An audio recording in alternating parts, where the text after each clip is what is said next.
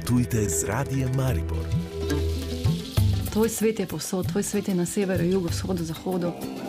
V Nepalu sem imel dejansko nekako cel čas občutek, da gledam svet v malem.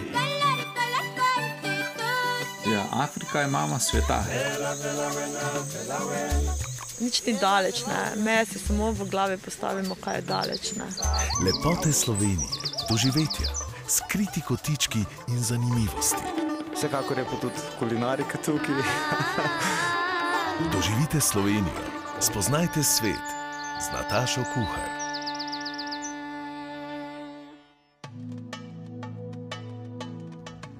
Pozdravljeni! V prvi oktobrski turistični oddaji se bomo ozrli na Svetovni dan turizma. Slišali boste, kakšni so trendi v tej panogi in kako bo slovenskemu turizmu v luči energetske krize pomagala država. Preverili bomo, kaj v teh dneh ponuja 22. festival Stare Trte, ob koncu oddaje pa bomo odkrivali svet. Tudi tokrat bomo spoznavali Jamajko. Potujte z nami, zanimivo bo.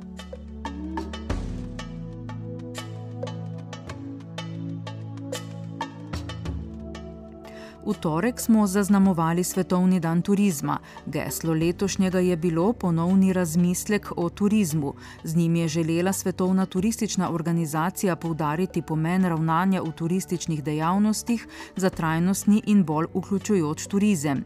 Da je turizem še vedno perspektivna panoga s številnimi priložnostmi in visokim multiplikativnim učinkom, poudarja direktorica Slovenske turistične organizacije Maja Pak. Turizem je uh, dejavnost z visokim multiplikacijskim učinkom, uh, ki ima številne priložnosti. Panoga, ki uh, spodbuja vključevanje, spodbuja varovanje narave in trajnost, ki dejansko promovira kulturno raznolikost, mir, strpnost in pospešuje družbeno-ekonomski in kulturni razvoj skupnosti. Kot drugič, uh, svet, vemo vsi, se spremenja svetlobno hitrostjo. In v turizmu so potrebne spremembe, so potrebna prilagajanja, transformacija, ki pa se ne zgodi sama od sebe. In tretjič, v Sloveniji smo se v okviru nove turistične strategije že poenotili v tem, kakšen turizem si želimo v prihodnje. Želimo si še bolj trajnosten, še bolj odporen, bolj vključujoč uh, in pravičen turiz, uh, turizem do turistov, lokalnega prebivalstva in zaposlenih ključen je pa premislek o tem, torej, kako čim prej do tega cilja v luči novih izzivov, ki so pred nami. Trajnostni razvoj namreč ne pomeni samo dodano vrednost, pomeni ustvarjanje pogojev za to, da bomo naša kakovost življenja večja. Vse to je opredeljeno v 95 ukrepih nove turistične strategije in s katero dosedanje usmeritve pomembno nadgrajujemo slovenskem turizmu smo že pred desetletjem začeli z oblikovanjem trajnostnega turizma s pomočjo odličnega urodja Zelena schema, v kateri je danes že 229 nosilcev zelenega znaka in zato imamo dobro pozicijo na trgu, zato imamo dobro osnovo za okrevanje in transformacijo. Turistične trende, ki so se nakazovali že pred leti, je pandemija še okrepila. Turisti si želijo individualnih potovanj, prednost imajo varne in bližnje destinacije, večja je želja po oddihu v neokrnjeni naravi, potovanja postajajo poglobljena, našteva Maja Pak. Pomemben cilj je usmerjanje turističnih tokov v manj obremenjene destinacije in desezonalizacija. In na to lahko vplivamo. Vplivamo lahko z usmerjeno promocijo, vplivamo z tesnejšim sodelovanjem z destinacijskimi organizacijami, s spodbujanjem oblikovanja produktov, ki predstavljajo motiv prihoda izven glavne sezone in po vsej Sloveniji. In pa seveda digitalizacijo. Pomemben, pomemben korak na tem področju je oblikovanje nacionalnega zelenega, pametnega informacijskega središča, dolga beseda. To je velik evropski projekt, ki ga začenjamo in bo omogočal boljšo podporo odločanju in boljšo podporo trajnostni transformaciji. In trenutno smo pred začetkom oblikovanja pilotne faze tega pomembnega projekta. Tako kot smo naredili globalni preboj na področju trajnostnega razvoja, sem prepričana, da ga lahko naredimo tudi na področju digitalne transformacije in določene aktivnosti smo že začeli. Poleg oblikovanja nacionalnega podatkovnega središča, ki sem ga pravkar omenila, digitalizacije zelene scheme, organiziramo nov dogodek ob dnevi slovenskega turizma, IT Tour, 16. novembra, kjer bomo predstavili najboljše digitalne prakse v turizmu. Intenzivno sodelujemo tudi s vsemi ključnimi partnerji, še posebej na področju športnega turizma. Letos smo Slovenijo kot zeleno, trajnostno destinacijo promovirali na 60 mednarodnih športnih prireditvah v Sloveniji. Pred nami so pomembne prireditve v naslednjem letu, ko Slovenija gosti svetovno prvenstvo v nordijskem smučanju, Evropsko prvenstvo v košarki za ženske, Evropsko prvenstvo v veslanju in Olimpijski festival Evropske mladine v Mariboru. Pandemija je spomnila na veliko ranljivost turizma, saj je sektor zabeležil izrazit upad prometa in beg kadrov v druge dejavnosti, je ob svetovnem dnevu turizma izpostavil minister za gospodarski razvoj in tehnologijo Matjaš Han, na srečo pa so se letos številke obrnile navzgor. Letos beležimo dvakrat toliko obiskov turistov kot v lanskem obdobju. Slovenijo obiskalo več kot 4,3 eh, milijona turistov in ustvarilo 11,7 milijonov prenočitev.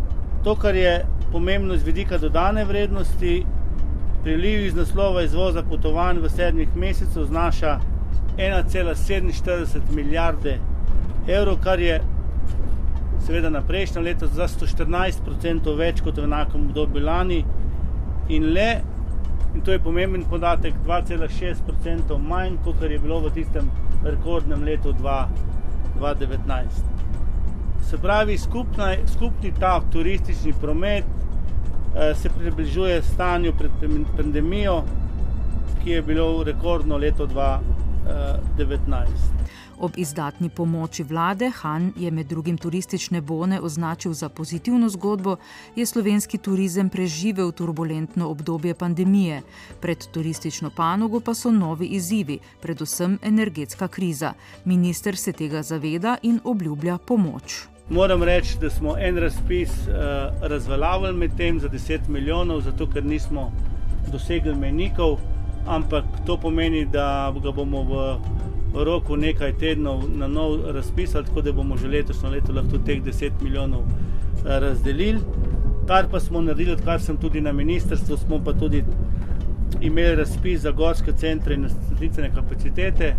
Tukaj se moram zahvaliti še enkrat Ministrstvu za infrastrukturo, ki nam je pomagal in dal dodatna sredstva, in pa Svrku, ki nam je tudi dal dodatna sredstva, tako da je bilo 69 milijonov razdeljenih teh sredstev in verjamem, da bodo kljub krizi lahko ta sredstva vsa, vse družbe, ki so jih dobile, tudi investirale. Potem bo pa še nekaj drugih razpisov, ki, ki verjamem, da bodo tudi pomagali pri, pri turizmu.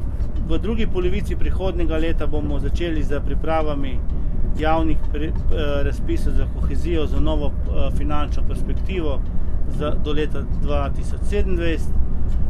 To bo sredstvo približno okoli 20 milijonov, namenjena pa bodo pametnemu upravljanju turističnih destinacij, krepitvi kulturne dediščine. Mi imamo ogromno kulturne dediščine, ki jo moramo v Sloveniji nasloviti, predvsem pa uh, produkti, ki bodo v bistvu celovito, reševali uh, te odgovore. Odprli bi rad zakon o gostinstvu in uh, spremembi zakona o spodbujanju razvoja turizma, ampak tukaj obljubim, kot sem kot tudi v zadnjem obdobju delam, brez zaposlenih, brez ljudi, ki delajo v gostinstvu, ki delajo v turizmu, mi na ministrstvu, ko bomo pripravljali zakon, ne želimo biti preveč pametni, ker delamo zakon za, rekel, za turizem, za gostinstvo. Zato bomo predvsem vas, oziroma tiste, ki delajo v gostinstvu in turizmu, poslušali, ker se mi zdi to edino prav. Seveda, ne bom nič mnogo povedal, da je treba nekih administrativnih ovir, ki jih imamo v tej Sloveniji preveč, odpraviti. Uh, podpiral pa bom seveda ta trajnostni razvoj, uh, ki se mi zdi, da bo lahko tudi prednost nasploh naše, naše Slovenije. Turizem sicer ustvari okoli 10 odstotkov slovenskega bruto domačega proizvoda, znotraj panoge in v povezanih dejavnostih zaposluje več kot 57 tisoč ljudi ter pomembno prispeva k ustvarjanju blaginje v mnogih lokalnih okoljih. Potujemo tudi na spletu. Radio Maribor.com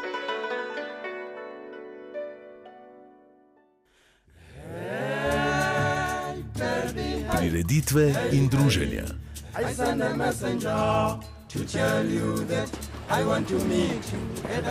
Potujte z radijem Maribor.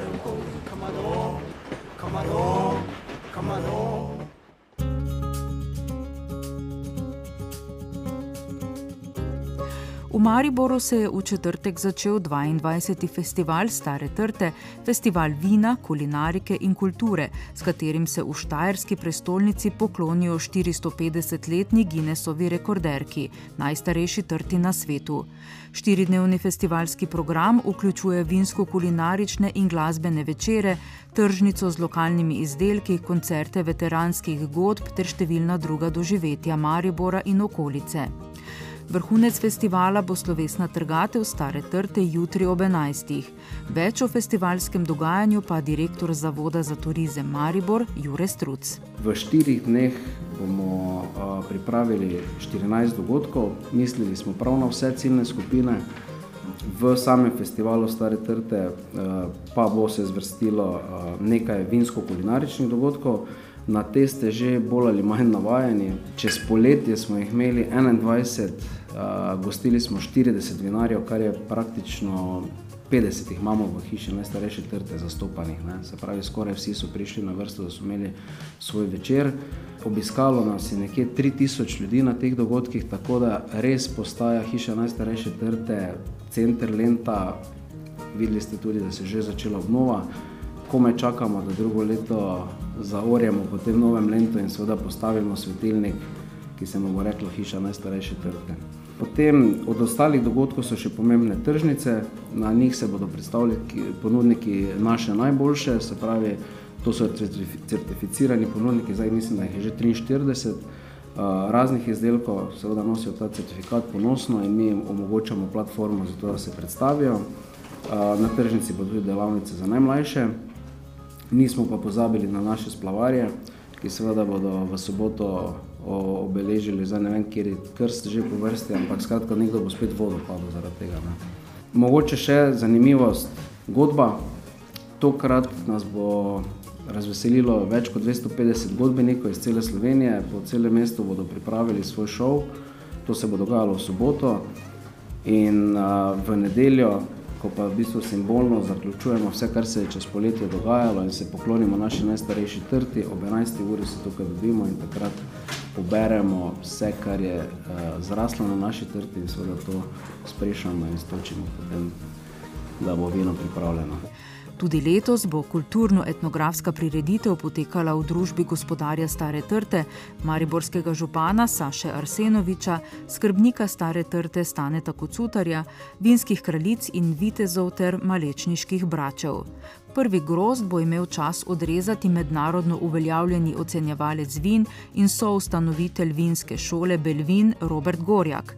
Sicer pa bo Guinnessova rekorderka Žametovka oziroma Modra Kavčina po napovedih mestnega vinničarja tako po kakovosti kot po količini dala nadpoprečen pridelek. Potujte z radijem Maribor.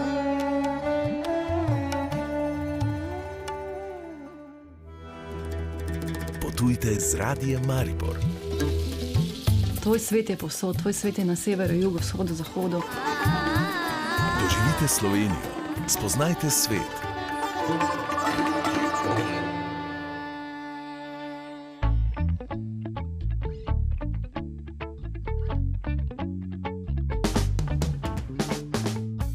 In zdaj še na Jamajko, na otoško državo v Karibskem morju. Leži južno od Kube in zahodno od otoka Hispaniola, ki si ga delita Haiti in Dominikanska republika. Velika večina jamajškega prebivalstva je potomcev sužnjev, ki so jih tja pripeljali evropski kolonialisti.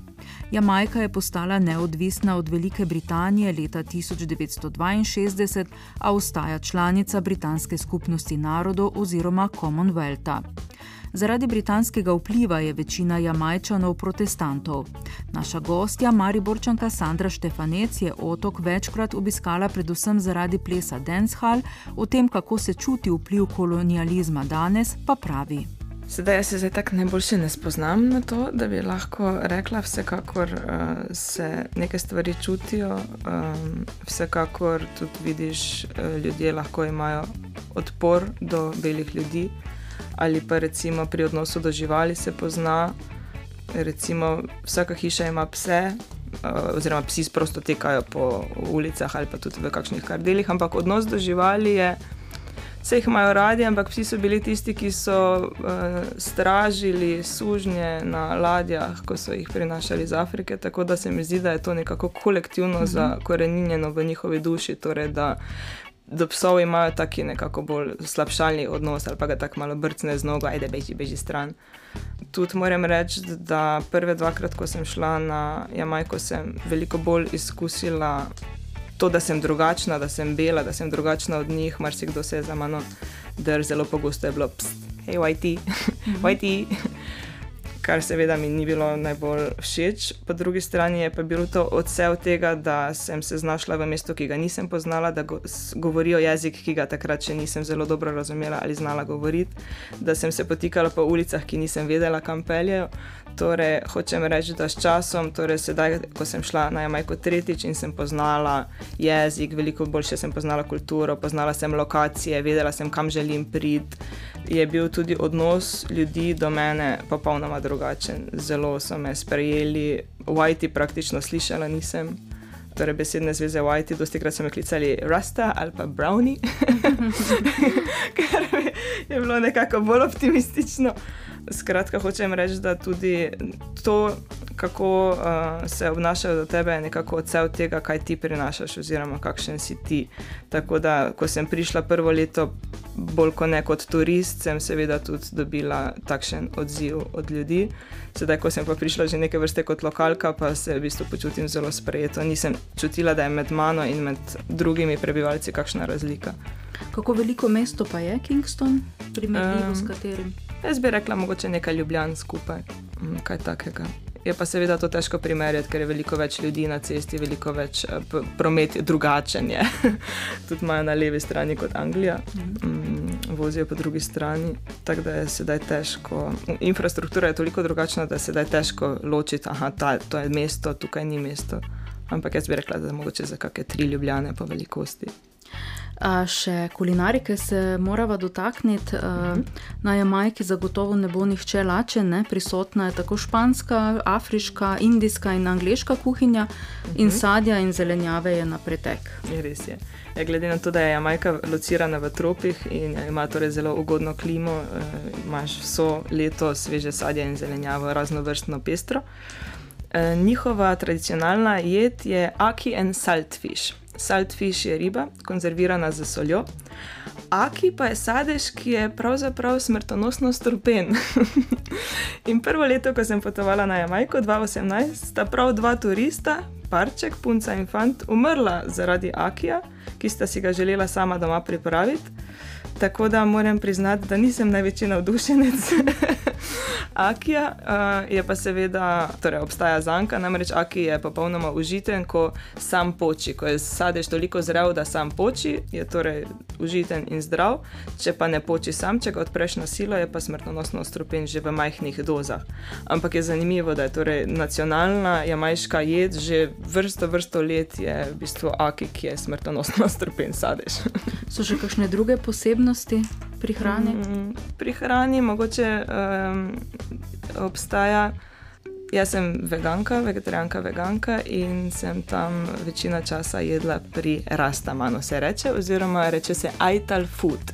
Aital food pomeni hrana, ki je kuhana, torej, je torej popolnoma veganska in je kuhana ponavadi brez začimb in celo brez soli. Dosti krat imajo tako nastavljeno sol, da si pač recimo lahko na koncu posoliš. In um, to je bila v bistvu moja vsakodnevna prehrana, ki je seveda tudi zelo pestra, čudovita in fantastično okusna. Um, osnova je riž in fižol, rice and beans. Z različnimi vrstami fižole, potem pa ima, kot bi rekli, različne omakice, od teh sojenih koščkov do kakšnih zelenjavnih stu, um, kalalulu je kot recimo naša špinača, torej skratka imaš take, kako bi rekli, side dishes uh, za zraven, zraven uh, torej riž in fižol je osnova, Kaj- um, priloga. Kaj pa pijača? Mangovo pivo vem, da imajo. Aha, to nisem poskusila, zanimivo. um, imajo precej, se prodajajo ti uh, tako smuti, bi rekli, um, sveže stisnjeni sokovi, ki jih marsikdo recimo pripravi doma in jih potem mogoče celo ima maj, majhen hladilniček s sabo in jih potem prodaja ali po ulici ali po plažah. Nasploh je ogromno tega, torej ljudje doma pripravijo razno razne ali sladice ali uh, imaš recimo te karamelizirane arašide in jih potem to prodajajo na ulicah. In to so v bistvu sladice, ki sem jih glavnem jaz jedla in ki so tudi najbolj ugodne. Pa ne samo sladice, tudi druge jedi. In pa zelo uh, pogosto je pri nas rečemo to, um, kako se reče, ta kuhinja, ki so tako zunaj, um, open kitchen, uh -huh. open kitchen nekako v tem smislu. Torej, veliki lonci, uh, kot bi rekli na stojnicah, kjer si pač zbereš odprta kuhinja. Odprta kuhinja ja. In pa pri njih je zelo popularno one pot dishes, torej v bistvu uh, imajo te ogromne, ogromne posode, res tako pri nas bi mogoče to uporabljali za banico, za kopot zajenčka, kjer pol kuhajo razne enolončnice ali pa um, recimo kari chicken je tudi popularen. Uh, skratka, in to hrana večinoma dobiš, kot bi rekli pri nas, na stojnicah, no, tako zunaj in je pripravljena od lokalcev doma in se mm -hmm. tudi s tem preživljajo, da to hrano potem na ulici prodajo. Greva zdaj k glasbi in plesu. Oh, je. Glasbenik Bob Marley je iz Jamajke. ne? Res je. Kako živa je njegova eh, prisotnost tam? Zanimivo je, da rege nažalost eh, kar malo zamira. Um, Dancehall je doživel tak velik vzpon. In je rege glasba trenutno mogoče malo v zatonu, marsikdo se trudi, da temu ne bi bilo tako. Ampak moram reči, da od tega, ko sem šla prvič na Majko 2018 in sedaj letos 2020, je rege dogodkov manj in jih teže najdeš. Tako da bi si seveda želela, podobno kot tudi lokalci, eh, da se to mogoče ponovno obudi, ker bi rekla, da je v Evropi mnogo več regija, v, na festivalih, eh, v klubih se predvaja. Um, Recimo New York, um, Amerika, torej druga mesta po svetu so zelo močna v reggae sceni, za razliko od Jamajke, kjer je trenutno najbolj popularen dancehall. Seveda se pa tudi najdejo dogodki, ki so fantastični, ki so torej živa glasba, tako da ni zdaj, da to ne obstaja. Mhm. Bob Marley je prisoten. Uh, je prisoten, ampak tudi tako pri večini po svetu je postal popularen in prisoten šele po svoji smrti. Torej, njega nekako v času življenja, za čas njegovega življenja niso tako cenili, tudi ni popolnoma, uh, kako bi rekli, pri nas je miks, torej ni popolnoma uh, črnske rase, že zaradi tega je bil nekako um, stereotip uh, v zvezi z njim. In seveda, potem, ko je zaslovel in umrl, pa sedaj veselo prodajajo vsi obeske Bob Marley, brisačke Bob Marley in tako naprej Bob Marley. Sedaj sama glasba, um, seveda mislim, da tudi je v ljudeh in da jim je blizu, ampak po, po drugi strani pa tudi tako hočejo malo narediti tak promocijski. Um, se mi zdi, da je veliko bolj prisotna ta promocija Bob Marleya kot ikone, kot pa v življenju ljudi um, dejansko, da zdaj vsak dan poslušajo glasbo in tako naprej. Čez teden dni bomo več slišali tudi o plesu, zaradi katerega je naša sogovornica potovala na Jamajko. Za danes se poslavljava Goran Glavičič in Nataša Kuhar. Potujte z radijem Maribor.